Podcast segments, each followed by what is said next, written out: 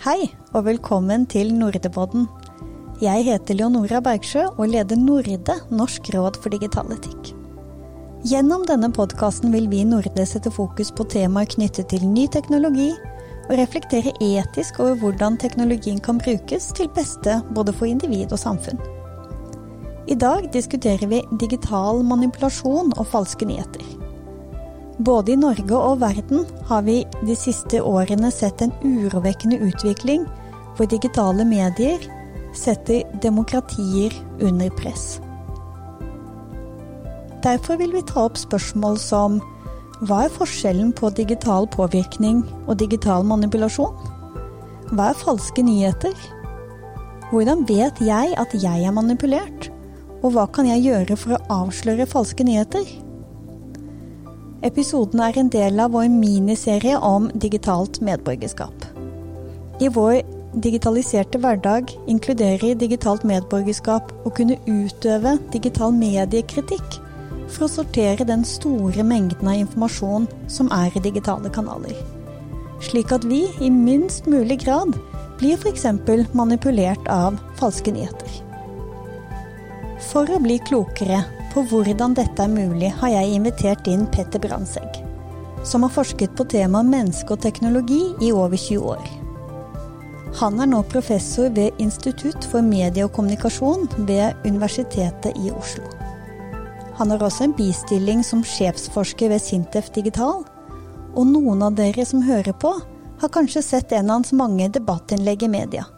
For Petter Brandtzæg er også en aktiv forskningsformidler og samfunnsdebattant. Han har også gjort en rekke interessante forskningsprosjekter knyttet til digitale medier og manipulasjon, som vi skal få høre mer om i dag. Petter Brandtzæg, velkommen. Tusen takk for det. Hyggelig å være her. Aller først så skal du få lov å fortelle oss litt om forskjellen på når vi er digitalt påvirket, og når vi er i ferd med å bli digitalt manipulert.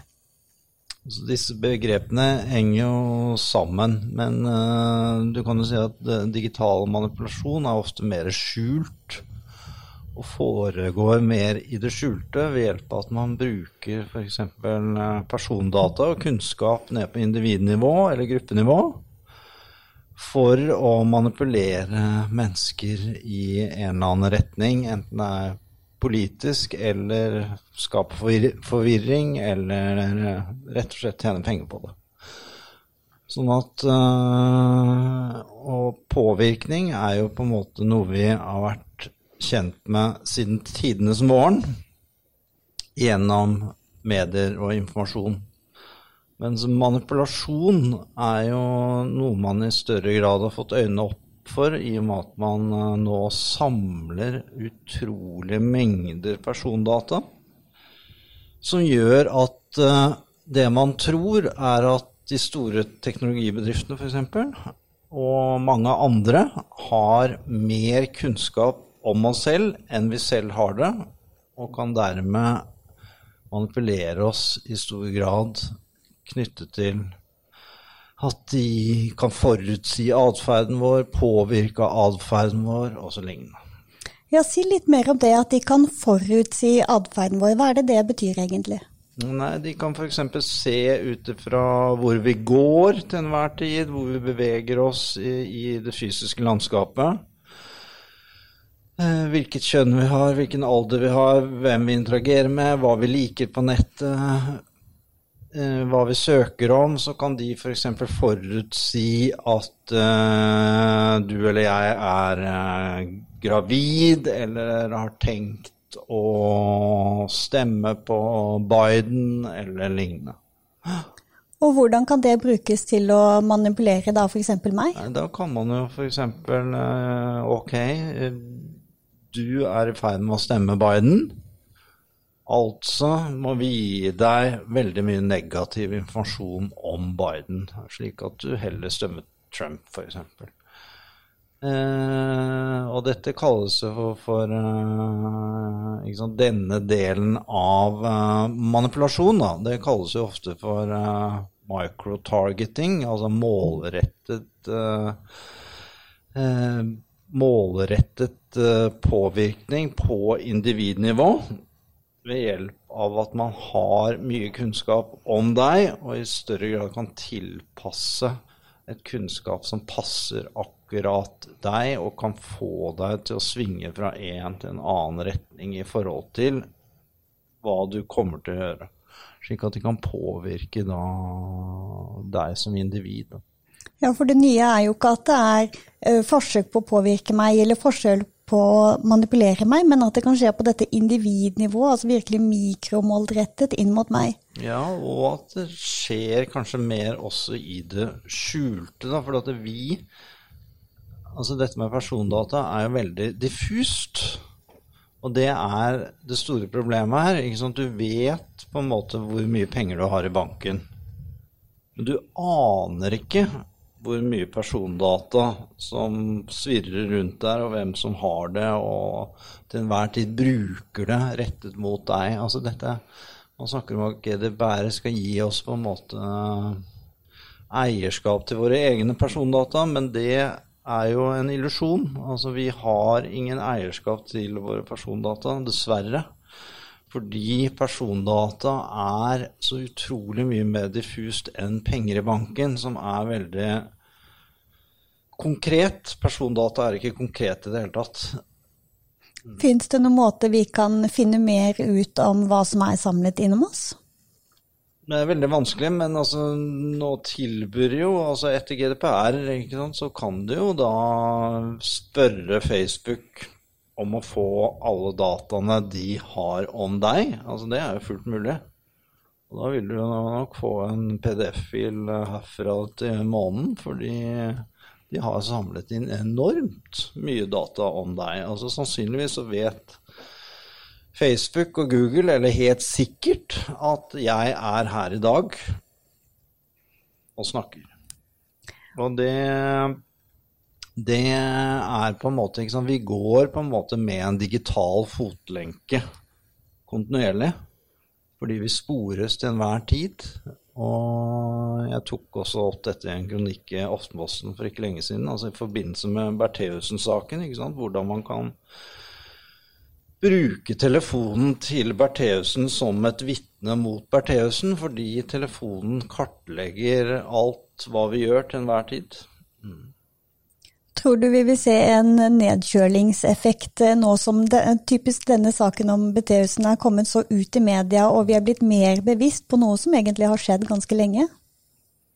Ja, og denne nedkjølingseffekten den er jo faktisk et faktum. Altså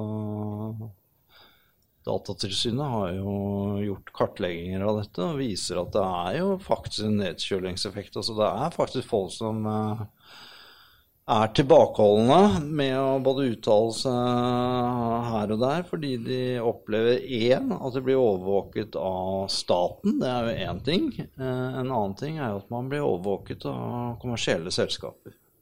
Ja, for Nedkjølingseffekten handler jo nettopp om denne atferdsendringen. Mm. Hvor mye vet vi om det i Norge, denne atferdsendringen som konsekvens av at man føler seg overvåket? Man vet uh, jo litt på et kvantitativt nivå. Da. Nå husker ikke jeg helt eksakt tallene, men vi snakker nok uh, altså Hvis jeg husker riktig, så er det nesten opp mot 16% som altså vegrer seg for å debattere på nettet, f.eks. pga. Uh, overvåkning. Ja, 16 ja, eller tilsvarende. Det er høye tall. Ja. Og hva vet vi om de aktørene som prøver å, hvis vi tar utgangspunkt i oss i Norge, som prøver å manipulere f.eks. For i forbindelse med valg? Hva viser forskningen der? Altså aktører som prøver å påvirke i forbindelse med valg. altså Det, det, det uh, området innenfor forskning er veldig Spriker i veldig mange retninger. Fordi Eh, Ikke sant uh, det er komplisert å forske på. Eh, jeg har selv eh, forsket på altså, hvordan vi eh, ble påvirket under lokalvalget i 2019. Hvor vi leverte en rapport til regjeringen på oppdrag fra Kommunal- og moderniseringsdepartementet. Skulle vi se hvilke aktører som da påvirket norske borgere eller bedrifter eller eh, aktører i det politiske landskapet i forbindelse med, med valget. Og, det, det, er jo én ting. Det ene er jo at man har eh, eksterne aktører utenfor Norge som kan påvirke norske borgere. Og så har man eh, aktører i Norge som kan påvirke borgere innad i et land. Eh, og så har man eh, både enkeltaktører, man har organisasjoner, man har hvem som helst. Sånn at det er utrolig Det er et virvar av folk som egentlig kan drive med påvirkning. Og det sier jo litt om at dette med propaganda, manipulering, eh, påvirkning, alle disse tingene som vi er litt redde for, de, de, kan egentlig utføres av hvem som helst. Og det ser vi også i denne rapporten, at det er veldig mange ulike aktører som eh, påvirker, men at de også er ganske flinke til å skjule seg og skjule identiteten sin. Og at de gjerne bruker uh, enkle mellommenn til å spre for å få økt spredning. F.eks. at de planter informasjon i en Facebook-gruppe som de vet er veldig aktiv i å spre innhold f.eks. mot sine medlemmer i den gruppa. Så der kan vi alle bli, eh, risikere å bli mellommenn for noen som ønsker å påvirke noen vi er i kontakt med. Er det ja. riktig? Det kan vi, fordi dette her er jo sånn enkel psykologi. Altså, jeg ønsker at verden skal eh, på en måte bekrefte mitt bilde på hvordan den ser ut, og mine holdninger. Og det gjør du, og det gjør alle andre. Vi ønsker jo gjerne å bekrefte våre egne holdninger. Og det er jo på en måte den psykologien mye av denne, denne informasjonen eh, på en måte utnytter. Da. Og det er jo også en manipulasjonsteknikk, ikke sant. Eh, men et annet ganske interessant poeng er jo at man ser at falske nyheter ofte er utformet som ekte nyheter. ikke sant? Det er ganske vanskelig å se forskjell men så er ikke det hele sannheten heller, fordi du har veldig mange falske nyheter som overhodet ikke ser ut som ekte nyheter. Du har den såkalte memes, som jo spiller på humor, gjerne.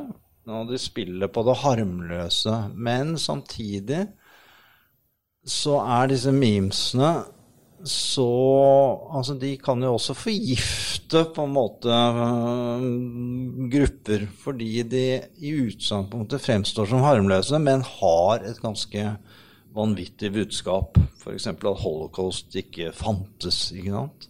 men at det er kanskje Eh, utformet på en harmløs, humoristisk måte. Da. Og det, det, er jo en del av denne memes-kulturen som gjør at den også er veldig skummel i en sånn falsk nyhet, uh, manipulasjonskontekst. Uh, Så memes er en typisk form for falsk nyhet. Er, hvilke andre er det man må være ekstra obs på hvis man skal klare å avsløre eller forholde seg til at dette kan være falskt? Ja, det er ikke sikkert at alle lyttere vet hva memes er, men eh, altså, memes er jo at man har et enkelt bilde, og gjerne kanskje en setning eller to under. Som uh, appellerer til på en måte system 1 hos mennesker, da, altså følelser, humor Har du noen eksempler? Som man lett sprer videre. Altså et meme som var veldig sentralt under uh, den amerikanske valgkampen sist gang, var at uh, Hillary Clinton f.eks. Eh, holdt eh, hånden til Osama bin Laden, og at de på en måte var venner. og da var det liksom Hillary Clinton Shake hands with uh, bin Laden. Skal vi stemme på henne, liksom? Hallo? Mm. Uh, og det var jo sant, et manipulert bilde, da, som da ikke var uh, ekte. De hadde bare manipulert det. Og det prøvde man jo å demontere opp og ned i mente, men det lar seg veldig sjelden gjøre. fordi det man vet, er jo at uh, falske nyheter spres veldig fort, mens uh, debunking av falske nyheter spres veldig sakte og veldig lite. Det er vel også noe med hvor sterk kommunikasjonskraft det ligger i et bilde i forhold til en liten tekst og mange ord. Mm. Og du har jo en faktatjeneste i Norge, altså faktisk.no. Og nettopp det du sier, ikke sant. Bilder er effektfullt. Videoer er effektfullt. Og særlig korte snutter. Eh, sånn at faktisk.no prøver på en måte å bruke mye av det samme metodeapparatet som, eh, som nettopp de som produserer falske nyhet, eh, gjør, da, nemlig korte videoer, eh, bilder. Mm. Men eh, det, det, det, er jo ikke alltid det funker heller, fordi man skal jo være transparent rundt hvorfor er denne nyheten falsk? Hvordan oppdaget vi at denne nyheten er falsk? Hvorfor sjekket vi denne nyheten versus ingen andre? Det er denne åpenheten som er veldig viktig òg, knyttet til en som faktasjekker. Sånn at uh, man har på en måte ikke det samme rommet til å bruke det samme distribusjonsapparat som en Eller metodeapparatet som en, som en som produserer falske nyheter. Men i tillegg til memes så har du jo da sant, falske nettsider, du har mulighet for å manipulere innhold er jo enormt, f.eks. Jeg kan manipulere tweets av Jonas Gahr Støre på to sekunder og legge ut det på min Facebook-side, liksom. Altså, det er enorme muligheter. Og så er det vel også et problem at eh, ordinære medier er med å spre også falske budskap i noen ganger. Det er det. Og grunnen til det det er jo at uh, disse nasjonale mediene i stor grad nå bruker sant, uh, Facebook og Twitter som kilde. Og utfordringen med å bruke Facebook og Twitter som kilde er jo at det er én, mange modaliteter der ute. Du har lyd, du har bilde, du har video, du har tekst. Alt dette kan manipuleres og settes inn i nye kontekster. Og, og da krever det enorm kunnskap da, for å verifisere disse. Og det, det, greier man ikke, eller det viser i hvert fall enkelte studier at mange journalister ikke nødvendigvis har kunnskaper om. Eh, så da lar man seg lure. Eh, og en studie gjort av NRK Beta, altså en underavdeling på NRK, viste jo at veldig mange av mediene, sånn som Dagbladet, TV 2 og lignende, er blitt lurt av f.eks. russiske eh, trollbotter i sine dekninger av ulike saker. Så jeg som forbruker kan ikke være trygg selv om jeg ser en nyhet på noe, en, en kilde som jeg tenker at jo, men disse har alltid sjekket kildene godt nok. Jeg må være selv på vakt og og, og, og tenke og, og, spørre meg selv kan dette være sant. Altså Dessverre så er jo det nye medieuniverset sånn da, at vi er veldig alene som uh, som uh, på en måte medieforbruker, fordi vi bruker ofte kanaler hvor uh, ting ikke er sjekket opp for oss. Altså Før så gjorde vi jo det i stor grad. Vi slo på NRK eller leste Aftenposten. Mens nå får vi jo kilder fra hele verden, eh, fra deg og meg, som gjør det veldig vanskelig da, eh, å være medieforbruker i dag. At man blir fort lurt. Eh, men altså, vi kan jo i stor grad stole på norske store medier, vil jeg påstå. Altså, selv om Men alle kan ta feil. Selv Aftenposten og NRK kan ta feil. Og det vi snakker om nå, er jo egentlig demokratiseringen sin nedside. Altså, det er en fantastisk mulighet til å publisere og være med i informasjonsskaping på nett, men vi har også denne negative trenden med mye falske nyheter og desinformasjon. Tilbakeholding av informasjon. Ja. Det, og det at uh, liksom, vi blir overmannet da, av informasjon nå. Altså det som kalles for information overload. Altså vi og det, ting går så fort. altså Bruksmønstrene våre har eh, endret seg dramatisk. Før så kunne vi sitte konsentrert og lese Aftenposten eh, f.eks. Eller Dagsavisen, eller hva det nå skulle være. Og vi kunne sitte der og på en måte vite at jo, jeg sitter og leser Aftenposten, mens nå fyker du inn på trikken og scroller nedover Facebooken din i full fart og ser nyheter fra her og der, og gudene vet hvor kildene egentlig stammer fra. fordi alt er jo i sannhet en grøt på Facebook. altså Det er det vi kaller for kontekstkollaps. da. Og hva er rådene dine? Hva tenker du selv, eller hva prøver du å gjøre for å sortere i all den nyhetsoverloaden som eh, vi bombarderes med hver eneste dag?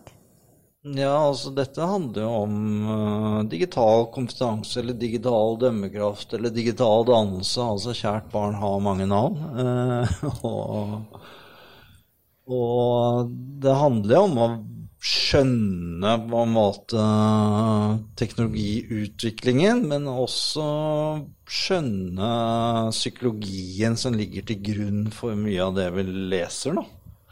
Samtidig som man må være mer obs på altså, hvem er kildene, når ble denne artikkelen faktisk publisert, osv. Ja, man kan jo tenke f.eks. med den mimesen du nevnte i sted med Hillary Clinton og Osama bin Laden, -hmm. at, at, mange ville tenkt jo, men dette kan ikke stemme. Dette, dette, må være falsk, og likevel så har den da spredd seg, kanskje pga. et humorelement eller noe annet som man tenker men dette er morsomt og kanskje tilforlatelig. Ja, og fordi veldig mange i USA ville også at dette skulle være sånn, da. ikke sant? Fordi de eh, mente at Hillary Clinton var korrupt. Eh, og til og med hadde forgreininger til Osama bin Laden. ikke sant? Så dette er jo da et eksempel på at man gjør det og følger det som man tenker at jo, men det er bra, eller det, det støtter det jeg tror allerede. Ja, og liksom hvis, eh, hvis, en bruker da blir på en måte hele tiden bombardert med lignende meme som enten det er Biden eller Trump eller eh, ja, Hillary, så, så vil man jo sakte, men sikkert på en måte bli forgiftet av uh, falsk informasjon, da, ikke sant? Som i utgangspunktet kanskje kan virke harmløst, men som uh, ikke er det. Fordi man ser ikke de umiddelbare konsekvensene. Og jeg tar det litt opp i en sånn kronikk i Dagsavisen i dag òg. Denne hackingen av uh, Stortinget, det, det så folk flest uh, merker jo ikke det. altså Og masse falske nyheter på Facebook. altså Folk flest merker jo egentlig ikke det. altså Sånn i det daglige. Men vi merker jo, ikke sant, hvis en bombe går av i Oslo sentrum. Eh, fordi det er så konkret. Eh, problemet med denne digitale krigføringen, som jeg kaller det, da, eller informasjonskrigen, er jo at uh, den er jo veldig sånn uh, diffus og skjult og uangripelig for uh, folk flest. Men liksom, konsekvensene kan likevel være like så store egentlig som et bombeangrep på Stortinget T-banestasjon, fordi denne digitale informasjonskrigen kan føre til mistillit av de viktigste institusjonene vi har i Norge, sånn som Stortinget. Mm. Krigføring er jo et veldig sterkt bilde. Tenker du at det er så alvorlig det vi ser eh, i verden i dag, at det er eh, sånn vi må tenke på det? Ja, jeg tenker det fordi eh, det brukes enormt med ressurser på, på dette her. Og man har sett at det kan være ganske effektivt. Og vi vet at eh, valglovutvalget kom med en rapport i fjor som også viser at eh, det er faktisk den største trusselen mot det norske demokratiet. Det er eh, manipulasjon av mediebrukere i Norge nå. Det er jo veldig sterke ord at mm. digital manipulasjon er den største trusselen for demokratiet, demokratiet. i dag. Ja. ja. Eh, jeg har jo ikke lyst til å avslutte med det der. Kan, vi, kan, du si noe til slutt om hva du tenker at vi som en enkel forbruker kan gjøre for å være med å videreføre, løfte, utvikle demokratiet også i digitaliseringens tid? Altså Vi som eh, borgere kan selvfølgelig gjøre eh, mye. altså I den forstand at vi tenker oss én og to og tre ganger om før vi deler videre, liker ting på nettet osv.